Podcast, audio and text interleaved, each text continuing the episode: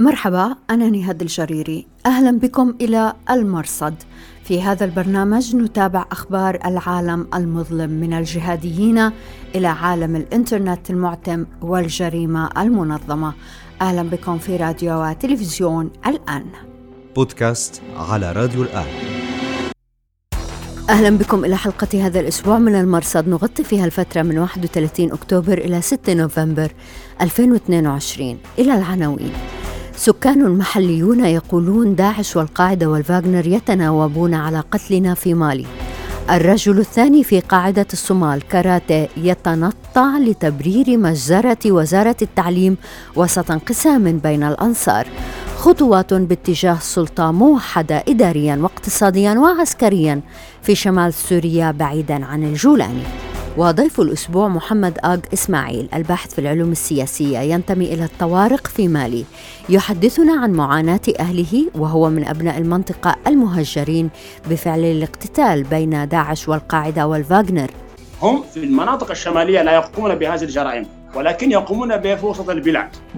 وداعش تقوم بالعكس كأنه في النهاية تبادل الأدوار يحدثنا عن الولاءات الملتوية وعن طموح إياد أغالي زعيم تحالف نصرة بتأسيس إمارة في مالي. وبإمكانكم الرجوع إلى نص هذه الحلقة في أخبار الآن دوت نت. بودكاست على راديو الآن.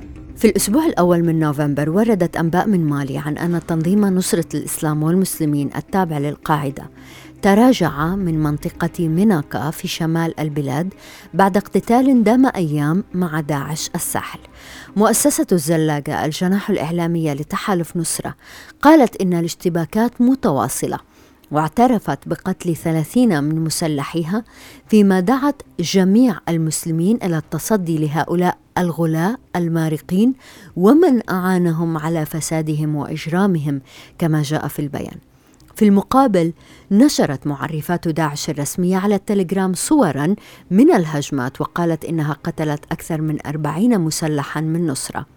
متابعون على التليجرام وتويتر التفتوا إلى صورة مما نشر وقالوا إنها لنجل إياد أغالي زعيم تحالف نصرة آخرون شككوا في الأمر وقالوا إن الرجل لم يكن موجودا أصلا في المعارك.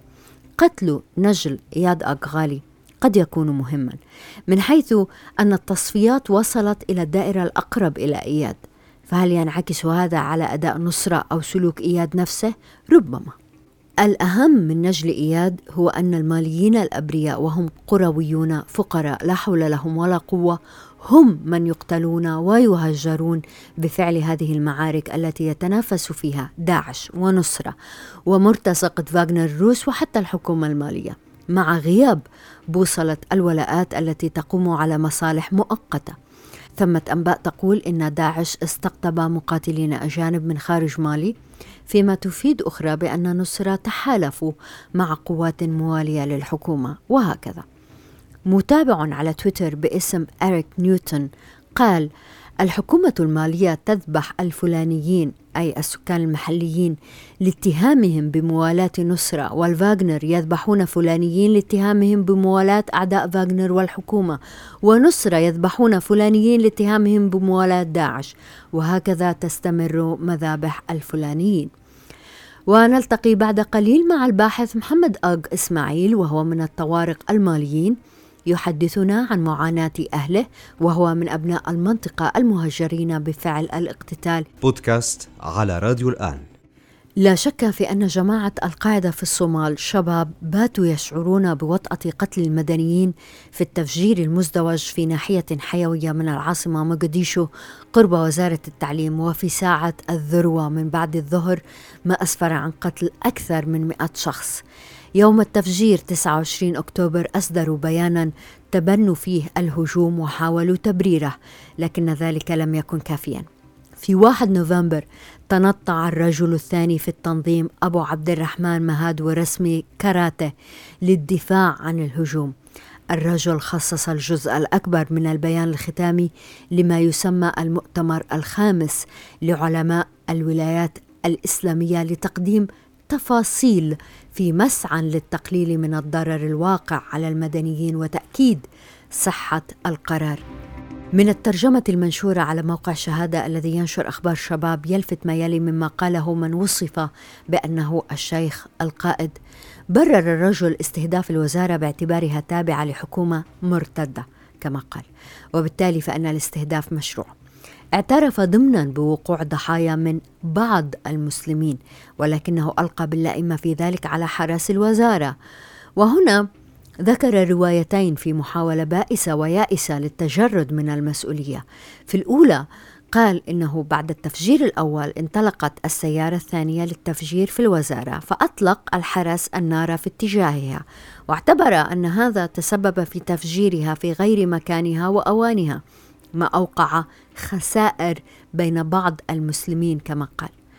في رواية ثانية يقول إن الحرس والقوات الأمنية الموجودين في المكان أطلقوا الرصاص لمدة ساعة تقريبا بشكل عشوائي من دون وجود هدف مضاد بمعنى أنه ينفي وجود مسلحين من جماعته في المنطقة اشتبكوا مع قوات الأمن هناك.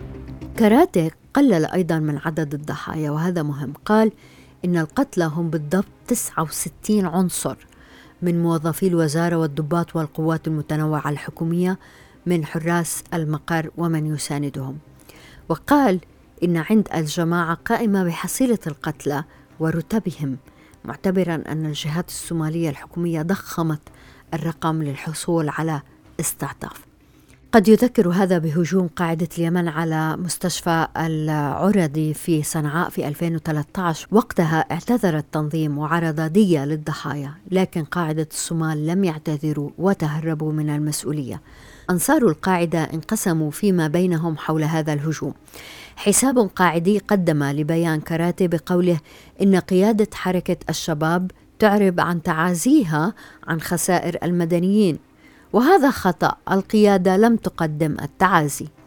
حساب باسم المرابط المقدسي على التليجرام وهو حساب قاعدي بامتياز كتب للأسف حركة الشباب تبنت الهجوم الدامي وهذا الفعل مخالف لتوجيهات القيادة العامة للقاعدة. اللهم إنا نبرأ إليك مما فعل هؤلاء.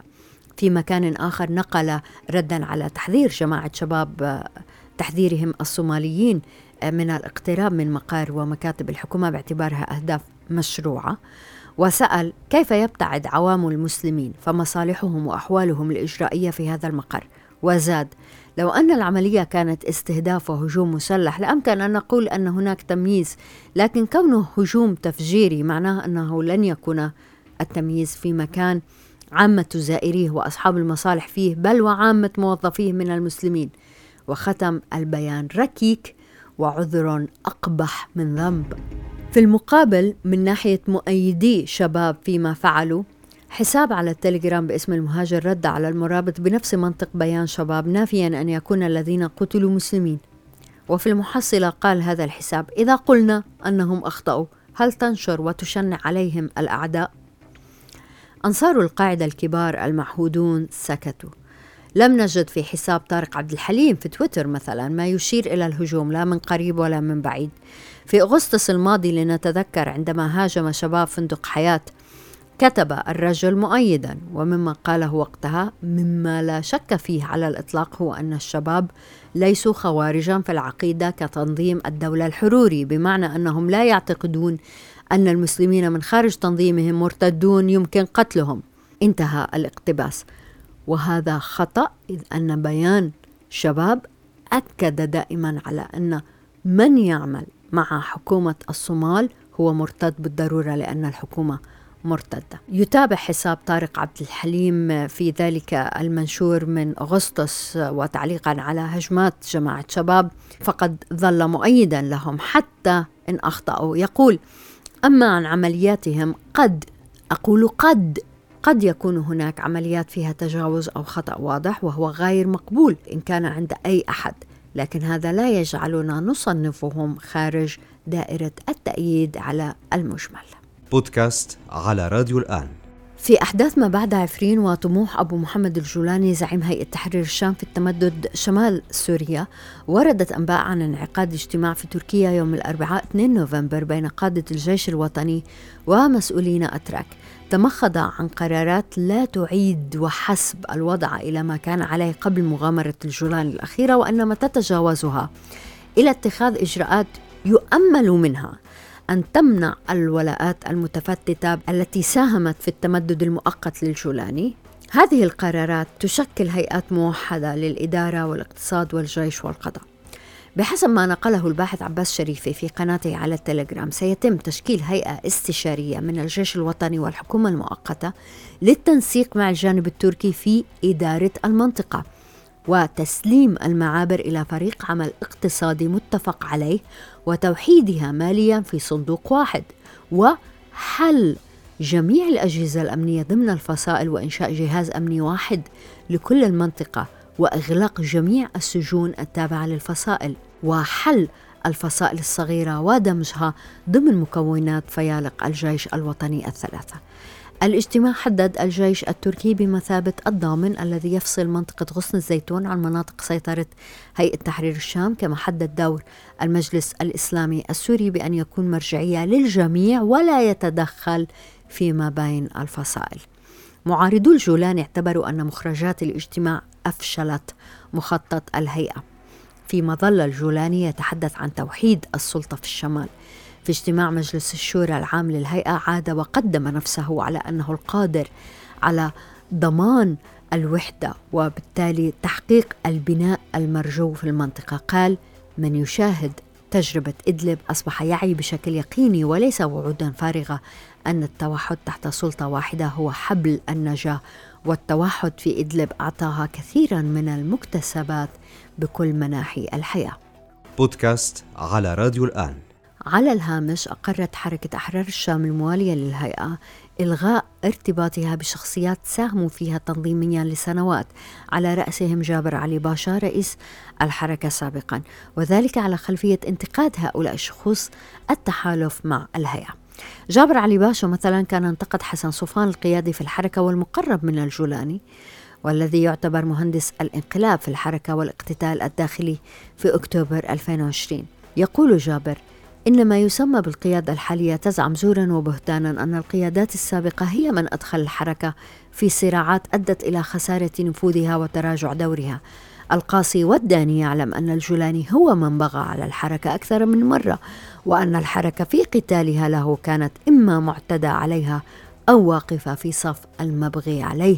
نصرة له بودكاست على راديو الآن. أهلا بكم دائما في راديو وتلفزيون الآن. نرحب هذا الأسبوع بالأستاذ محمد أغ إسماعيل الباحث في العلوم السياسية. الأستاذ أغ إسماعيل ينتمي إلى الطوارق في مالي ويحضر لرسالة الدكتوراه. شكرا جزيلا لوجودك معنا في البرنامج أستاذ محمد. شكرا لكم جزاكم الله خير. أستاذ محمد صعدت جماعة نصرة الإسلام والمسلمين من القتال في مالي مرة ضد داعش مرة تتهم القرويين بالتعاون مع فاغنر في المحصلة الأبرياء. هم الضحايا مما تعرفه حضرتك. كيف تأثر القرويون في مناطق النزاع بهذا الاقتتال من فرق مسلحة مختلفة؟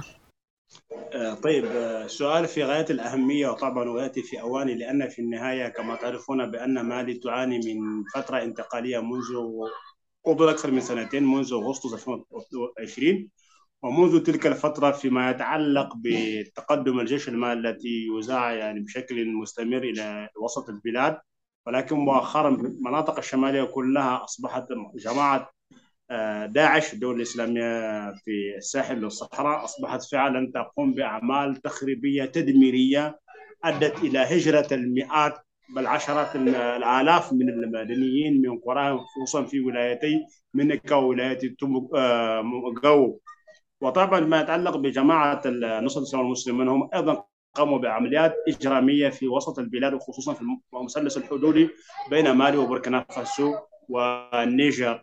وطبعا كما تعرفون أيضا بأن المدنيين في المناطق الشمالية يعانون منذ أكثر من أكثر من عقد من الزمان من انعدام الأمن ومن انعدام الدولة ومن حتى مع الوجود الفرنسي والأمم المتحدة العمليات الإرهابية ضد المدنيين مستمرة بشكل مكثف وطبعا وتصاعدت في الآونة الأخيرة مثلا حسب الإحصائيات لجهات الحقوق الإنسان في مالي يقال بأن حوالي ما يقارب من 2000 مدني قتلوا في منذ منذ مارس الماضي إلى يومنا هذا في ولاية منكا وغاو والمثلث الحدودي بين مالي وبوركينا فاسو.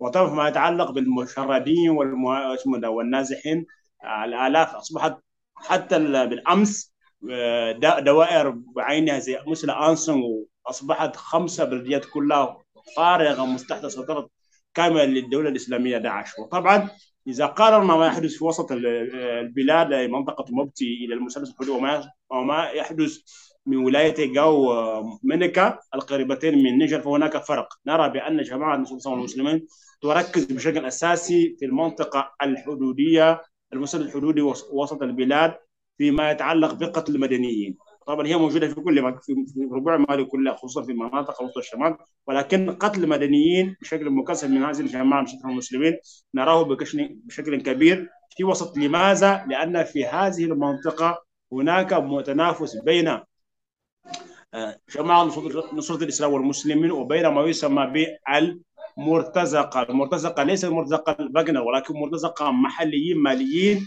يسمى يسمون أنفسهم بالقوات المحلية الدفاع الذاتي هي عبارة عن جماعات تنتمي إلى قبائل معينة ليست ليست بمسلمين تدعمها الدولة المالية في من أجل صد لهذه الجماعات. ولذلك نرى بأن جماعة المسلمين تقتل كثير من المدنيين في هذه المناطق بناء على أن هؤلاء المدنيين معظمهم ليسوا مسلمين.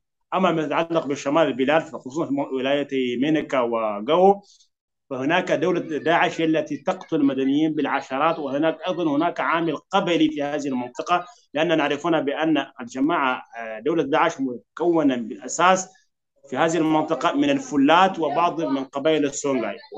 ومعروف بأن آه، داعش اسمه نصوص المسلمين تتكون من العرب ومن الطوارق ومن الفلات. فلذلك أحيانا نرى هناك مواجهات بين الجماعتين على أساس إثني وعلى مصالح أخرى طبعا إيديولوجية وعلى مؤيدين خارجيين. أستاذ اج إسماعيل لو تحدثنا فقط عن هذه الولاءات لطفا. حدث هناك مواجهات مكثفة في منكا ضد تحالف لأن في النهاية حينما خرجت فرنسا اضطر الحركات اضطرت الحركات الازواديه أن تتعاون بطريقه غير رسمية مع نصرة الإسلام والمسلمين في إطار حرب ما يسمى بين قوسين حرب بين الطوارق والعرب من ناحية ضد ما يسمى بالفلات والذين ينتمون إلى دولة داعش. هناك مواجهة ما يسمى بالتحالف الظرفي الاستثنائي في الآونة الأخيرة في ولايه منكا وغاو ضد الجماعه ضد داعش بقياده حركات مواليه للحكومه المالية وحركات كانت سابقا تطالب بالانفصال منطقة أزواد عن مالي ونصرة نصرة الإسلام والمسلمين بناء على أساس عرقي اثني لأن في النهاية آه، داعش كما قلت في البداية هي تريد أن ان تمحي هوية الطوارق والعرب من بعض المناطق في ولاية مينكا وغاو لكي تستطيع داعش أن تسيطر على ولاية غاو ومينكا ومن ثم تيلابيري في النيجر ومتى إلى نيجيريا ووصول ومن النيجر أيضا إلى ليبيا. فهذه هي الخريطة التي تسعى داعش السيطره عليها لذلك يعني سكان الحركات الأزوادية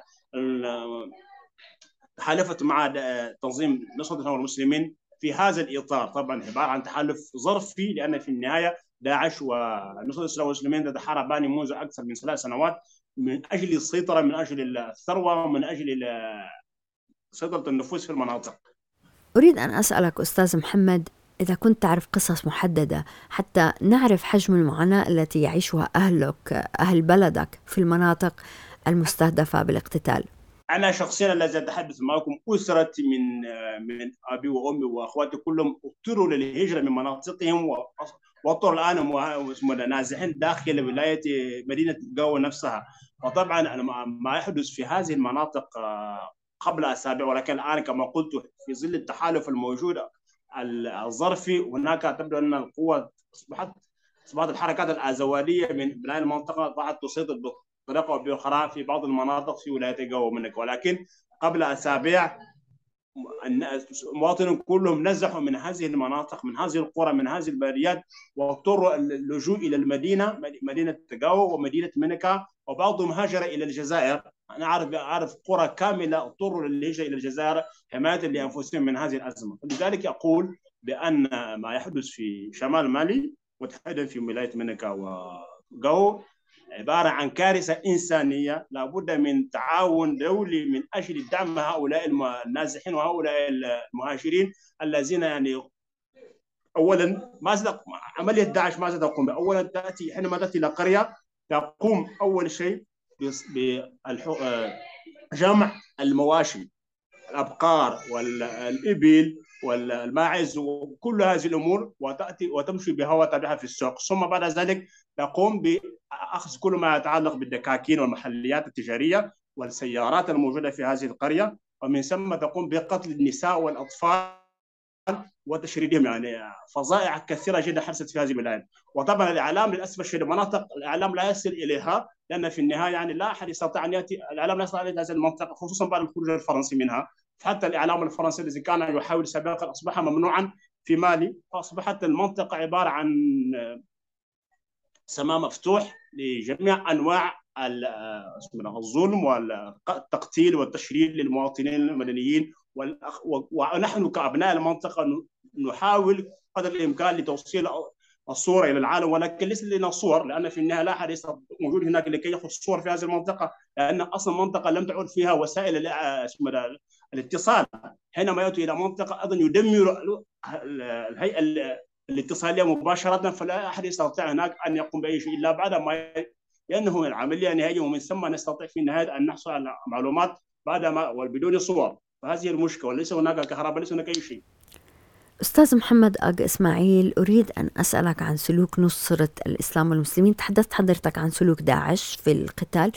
أه، سلوك نصرة من فترة مثلا فكوا حصار فرضوه على مجموعة من القرى في المنطقة الشرقية دام أشهر بعد أن جوعوا هذه القرى عقابا لهم على ما قالوا أنه اتهامات للقرويين بالتعاون مع فاغنر كيف أه، نصرة الإسلام والمسلمين أيضا يقتلون أه، ويتجنون على القرويين؟ في النهاية كما قلت بأن جرائم دولة نصره جرائم نصره جماعة نصره المسلمين متمركزة في وسط البلاد وفي المثلث الحدودي طبعا كما تقوم داعش بنفس التقتيل بنفس الإجرام في ولايتي جو منكا تقوم أيضا جماعة نصره المسلمين أيضا في وسط البلاد بنفس العملية. بل كما نعرف يعني في السنوات الماضية أحرقوا قرى ومدن كاملة في وسط البلاد. نفس الاستراتيجية نفس السياسة لأن في النهاية كما قلت لك بأن الجم... هذه الجماعات تستغل الجانب الاثني والجانب التنافس بين القبائل و... وخلافات الموجوده سابقا تستغل تستغل هذه الجماعات من أجل الثار كما يحدث سابقا طبعا في التاريخ العربي سابقا كما تعرفون. وهذه العقلية موجودة في في هاتين الجماعتين الحقيقة ليس هناك فرق في من حيث العملية الشنيعة ما يتعلق بين الجماعتين الإرهابيتين. أي داعش ونصره الإسلام إلا أن هناك بعض المناطق مثلا نصره الإسلام والمسلمين لا تقوم بهذه الجرائم في الشمال، لماذا؟ لأن التركيبة الأساسية من عناصر نصره المسلمين هم من العرب ومن الطوارق ومن الفولاد هم في المناطق الشمالية لا يقومون بهذه الجرائم ولكن يقومون بها في وسط البلاد. وداعش تقوم بالعكس كأنه في النهاية تبادل الأدوار. فهذه في النهاية وجاء لعملة واحدة. الشعب المالي في النهاية هو المتضرر هو الخاسر في هذه القضية. وطبعا النظام في مالي أيضا منذ 2013 إلى يومنا هذا رغم كل ما يقال بأنه هناك تطور هناك في النهاية على أرض الواقع المواطنين يعني يعانون يوما بعد يوم والأزمة الإنسانية تزداد بشكل كبير ولكن وسائل الإعلام لا تستطيع أن تصل على المعلومات. فهذه الكارثة. أستاذ محمد أج إسماعيل قيل أنه ابن إياد أج غالي زعيم نصرة قتل في المعارك الأخيرة في ميناكا. بغض النظر عن أنه إذا كان الرجل قتل أم لا ما أهمية الاقتتال في تلك المنطقة؟ بالفعل ما تفضلتم عن هذه الأنباء يعني وصلت إلينا ولكن لا نستطيع التاكد من صحتها والعدم لأن في النهاية الجماعه حتى الآن لم تصدر بيان بهذا الخصوص، لكن ما يتعلق بأهمية هذه اللقطه كما قلت في النهاية حدث هناك تحالف غير رسمي غير معلن. لأن أنا من أبناء المنطقة أعرف ذلك. حدث هناك تحالف بين الحركات الازواديه لأن الحركات تنقسم إلى قسم. قسم كان معارضا للدولة ويطالب بالاستقلال وقسم كان مؤيدا للدولة وضد الاستقلال.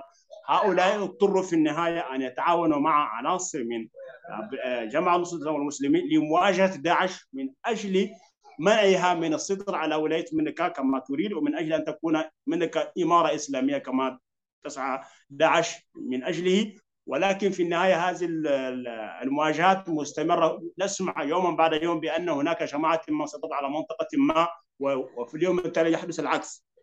في النهاية حتى المواجهة حتى الآن مستمرة. مثلا مؤخرا آه، استطاعت داعش ان أن تسيطر على بعض البلدات زي أغدرون بوكان وغير ذلك. ولكن في النهاية جماعة الإسلام والمسلمين مع التحالف مع الحركات الأخرى استطاعت أن آه، تطرد داعش منها. ولكن بعد يومين رجعت مرة أخرى. ففي النهاية المعلومات حتى الآن ليست ثابتة ومستقرة بين حرب بين فر وكر لأن في النهاية هناك أصلا إمدادات تأتي من الخارج من نيجيريا ومن آه اسمه آه ليبيا لهاتين الجماعتين للداعش ولنصرة المسلمين الصراع صراع نفوذ مستمر حتى الآن وليس هناك يعني شيء ثابت نقول بأن فعلا جماعة ما سيطرت بشكل نهائي على منطقة معينة لا نستطيع أن نقول ذلك لأن في النهاية كل يوم يحدث هناك تغيير في آه، نفوذ آه، نفوذ القوة في المنطقة ولنفترض أن الرجل قتل فعلا هل هذا مهم؟